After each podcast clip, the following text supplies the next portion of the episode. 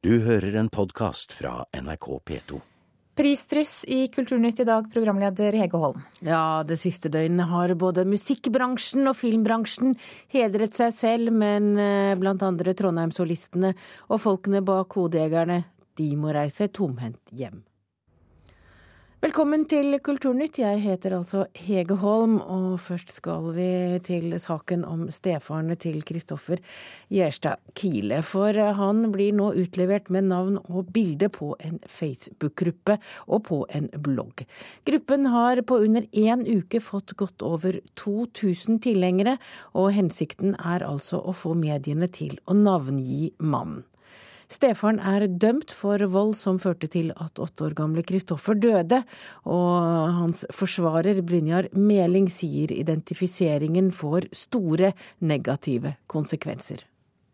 Det rammer ikke bare min klient direkte, det rammer hans familie, eh, hans nærmeste, hans barn eh, og personer som overhodet eh, ikke har noe med denne saken å gjøre. Sier stefarens advokat Brynjar Meling. Facebook-sidens tittel er 'La barnemorderen råtne i fengsel', og den inneholder også mannens navn. Det er et stort problem når man på en side har ytringsfriheten og eh, sosiale medier, og på den andre side har mennesker som ikke tar eh, ansvar i forhold til hvordan de ytrer seg. På Facebook-siden står det bl.a. følgende en rekke større medier gir Kristoffers morder, kjent som stefaren, spesialbehandling og nekter å skrive navnet. En spesialbehandling ingen andre kjente norske kriminelle får. Generalsekretær i Norsk Presseforbund Per Edgar Kokkvold mener slike Facebook-sider er uheldige. Vi skal huske på at det er domstolene som skal dømme, og det er domstolen som har dømt. Og noen folkedomstol skal vi ikke ha i, i dette landet.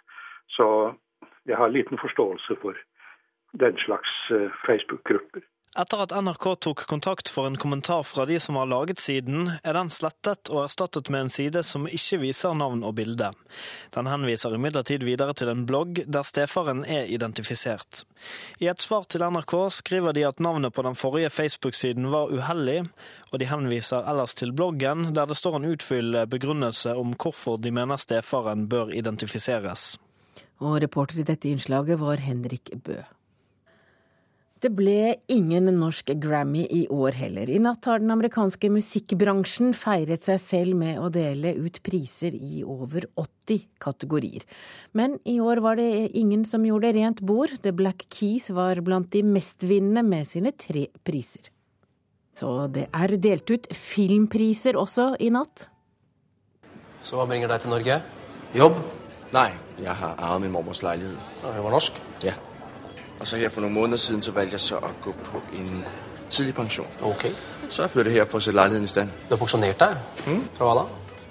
Jeg var direktør i en uh, hollandsk teknologivirksomhet. Ja, her hører vi altså lyd fra filmen 'Hodejegerne', som var blant de nominerte til britenes filmpris BAFTA. Men de måtte gi tapt for den franske filmen 'Amour'. Og Agnes Moxnes, eh, vår kulturkommentator, sist 'Amour' vant, så var det i konkurranse med Kon-Tiki under Golden Globe-utdelingen. 'Amour' er også en stor Oscar-favoritt eh, senere denne måneden. Hva er det med den franske filmen?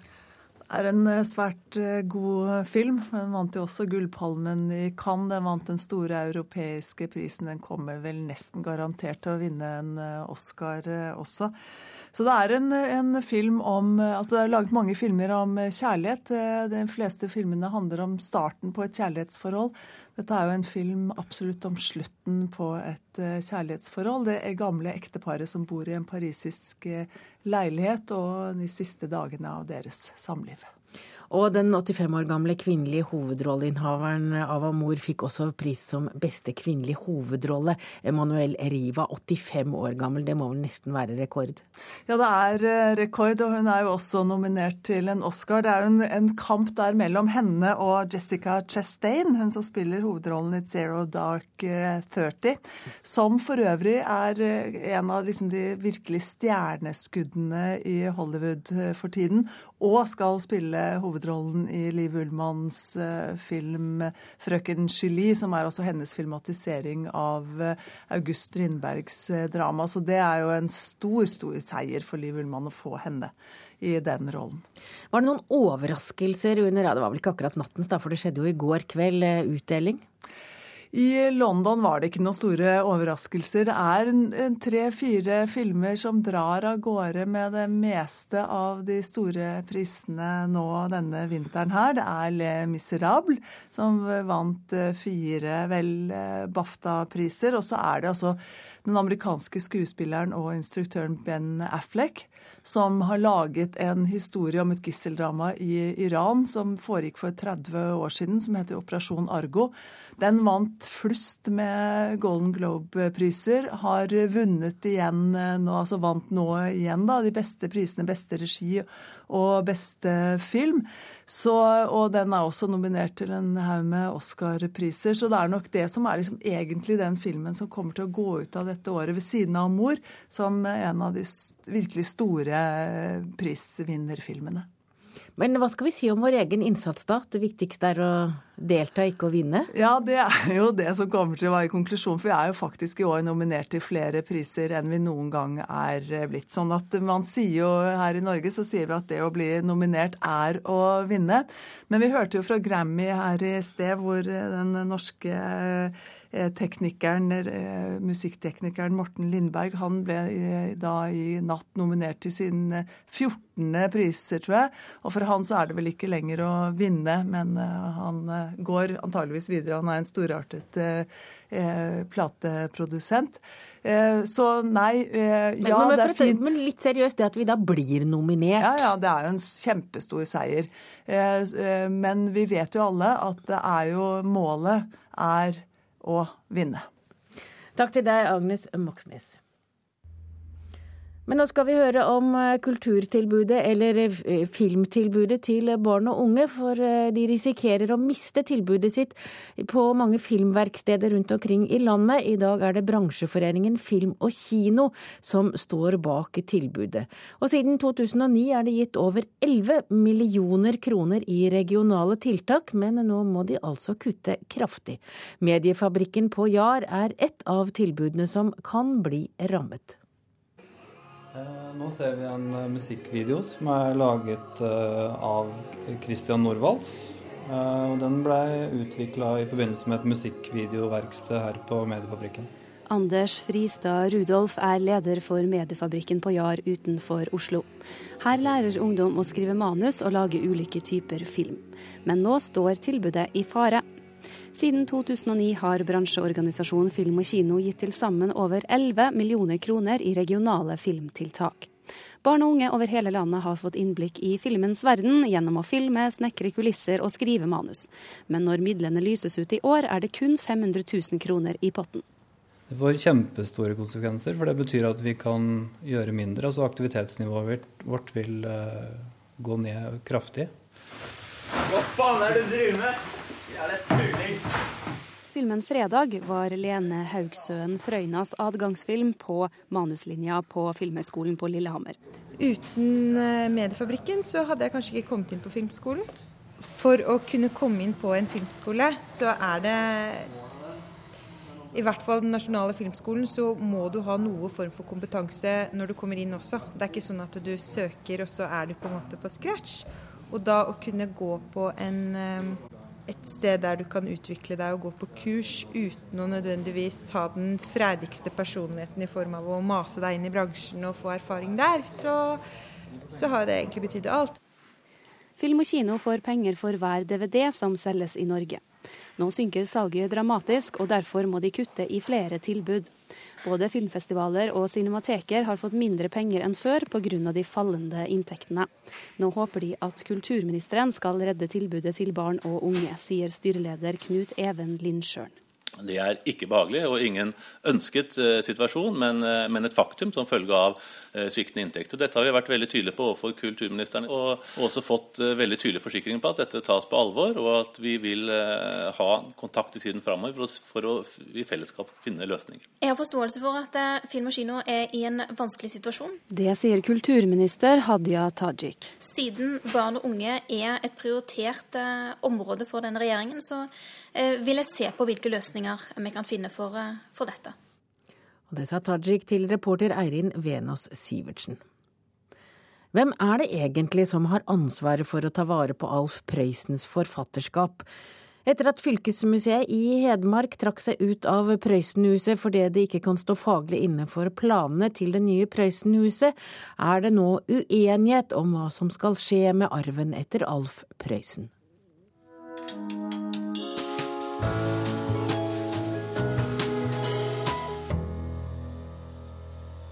Den britiske forfatteren Ian McEwan har, og hans behandling av tunge samtidsproblemer har beveget mange mennesker de senere årene. Terrorisme, krig og klimaendringer er blant temaene som går igjen. Hans nye roman på norsk, 'Serena', tar leseren med tilbake til den første halvdelen av 70-tallet og en spionhistorie. I det første kapittelet av Ian McEwans nye roman møter vi hovedpersonen og jeg-forteller Serena Froome, som fra nåtid beskriver hendelser som traff henne og elskeren hennes Tom Hays mer enn 40 år tidligere, da Serena med fersk og svak matteeksamen fra Cambridge ble vervet av etterretningsorganisasjonen MI5. Det er med andre ord en spionroman Ian McEwan byr oss, lagt til de tidlige 70-årene, da krisene i Nord-Irland med væpnet konflikt og etterfølgende terrorisme rir Storbritannia sammen med oljekrise og folkelig pessimisme. Den kalde krigen ble fremdeles utkjempet på tunge gir, og striden mellom øst og vest ble utkjempet også på kulturens område. Det var der, i kampen om folks tanker, følelser og meninger at Serena fikk sitt første selvstendige oppdrag, å knytte en ung forfatter til et prosjekt med det besynderlige kodenavnet Sweet Tooth, som for øvrig også er originalens tittel. Serena ikke bare lykkes med oppdraget, hun faller nesegrus for sitt objekt. Sweet Tooth forsøker å skape ideologisk motvekt til venstresidas grep om litteraturen ved at MI5 ad omveier vil gi arbeidsstipender til utvalgte forfattere med mer moderate innfallsvinkler. Det er både tragikomisk og forankret i virkelige hendelser. Sammen med McEwans eleganse i fortelling og språk og det umulige kjærlighetsforholdet har fortellingen ingen problemer med å dra til seg leserens oppmerksomhet. Det er både underholdende og interessant. Serena er storkonsument av romaner, og hun leser fort. Helst ville hun ha studert engelsk språk. Hun vil også helst at historiene skal ende noenlunde godt. Den litterære diskusjonen mellom Tom og Serena er aldri påfallende dyp. Det forhindrer imidlertid ikke at romanen forteller om en leser som utvikler seg i takt med den skriving og den litteratur hun møter gjennom Tom. Men, og viktigere, Romanen blir også en historie om sin egen tilblivelse spesielt, og skriving generelt. Det skjer på spissfindig vis, og er knyttet til en slutt som helt udiskutabelt er både snedig og elegant. Hvor godt man liker den, er en annen sak. På et tidlig tidspunkt sier Serena til Tom, forfatteren, at hun ikke kan fordra at forfattere bruker litterære triks for å få historiene til å gå opp. Tom er uenig. Å skape litterær virkelighet uten triks lar seg ikke gjøre, mener han. Jeg er nok mest tilbøyelig til å dele Serenas syn i dette tilfellet. Ian McEwan er en stilsikker forfatter. Språket hans inneholder en rikdom på nyanser og bredde i ordvalg som gjør det verdt å lese for sin egen skyld. Derfor var det direkte skuffende å gå fra McEwans originaltekst til Halvor Christiansens oversettelse omtrent halvveis. Det er svært vanskelig å tro at en oversettelse fra engelsk må fremstå så mye flatere enn originalen, som tilfellet er her. At noe av årsaken kan synes å være hastverk, er kanskje en formildende omstendighet. Og det sa vår anmelder Leif Ekle. Da Nordlyskatedralen i Alta ble vigslet i går, ble det en mektig opplevelse. Både for de som har ventet på kirken i en mannsalder, og for kronprinsesse Mette-Marit.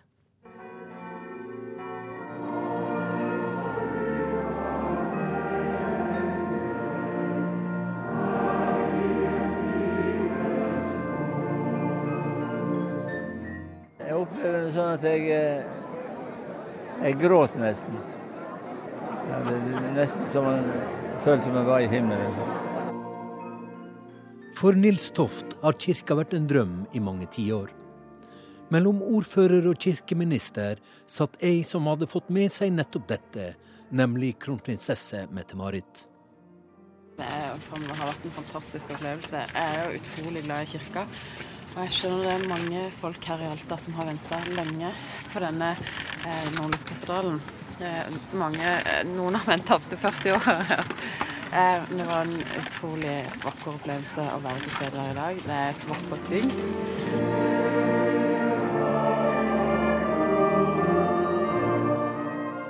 Et gudshus med Nordlyskatedralen er også en konsertsal. For Ottar Grimstad ble dagen spesiell på flere måter. Inngangssalmen under prosesjonen ble sunget av Alta Motettkor, et kor Grimstad har vært dirigent for i mange, mange år. Han lytta ikke bare til biskopens tale, men også til akustikken i kirkerommet. Det som har vært min kjepphest, i tillegg til at vi trenger en kirke til menighetens arbeid, så er det akustikken, den musikalske muligheten vi kunne få i den, det rommet der. Og Jeg har vært skeptisk fordi det, det, det runder hjørnet i en trekant, kan man si. Men det jeg opplevde i dag, det gjorde meg aldeles glad. Jeg tror vi skal få et fantastisk konsertlokale. Og da en å tenke på kirkemusikk. Det er jo det som er kirka er bygd for, da, kirkemusikk. Det står i Salme 118 at dette er dagen som Herren har gjort. Det er en fantastisk dag for alle kirkefolk. Ja, og det var altså Rolf Jacobsen som hadde vært med på åpningen av Nordlyskatedralen i Alta. Denne sendingen fra Kulturnytt nærmer seg slutten, og vi minner bare om at vi er tilbake i ettermiddag 16.30. Da skal vi blant annet innom filmfestivalen i Berlin. Du har hørt en podkast fra NRK P2.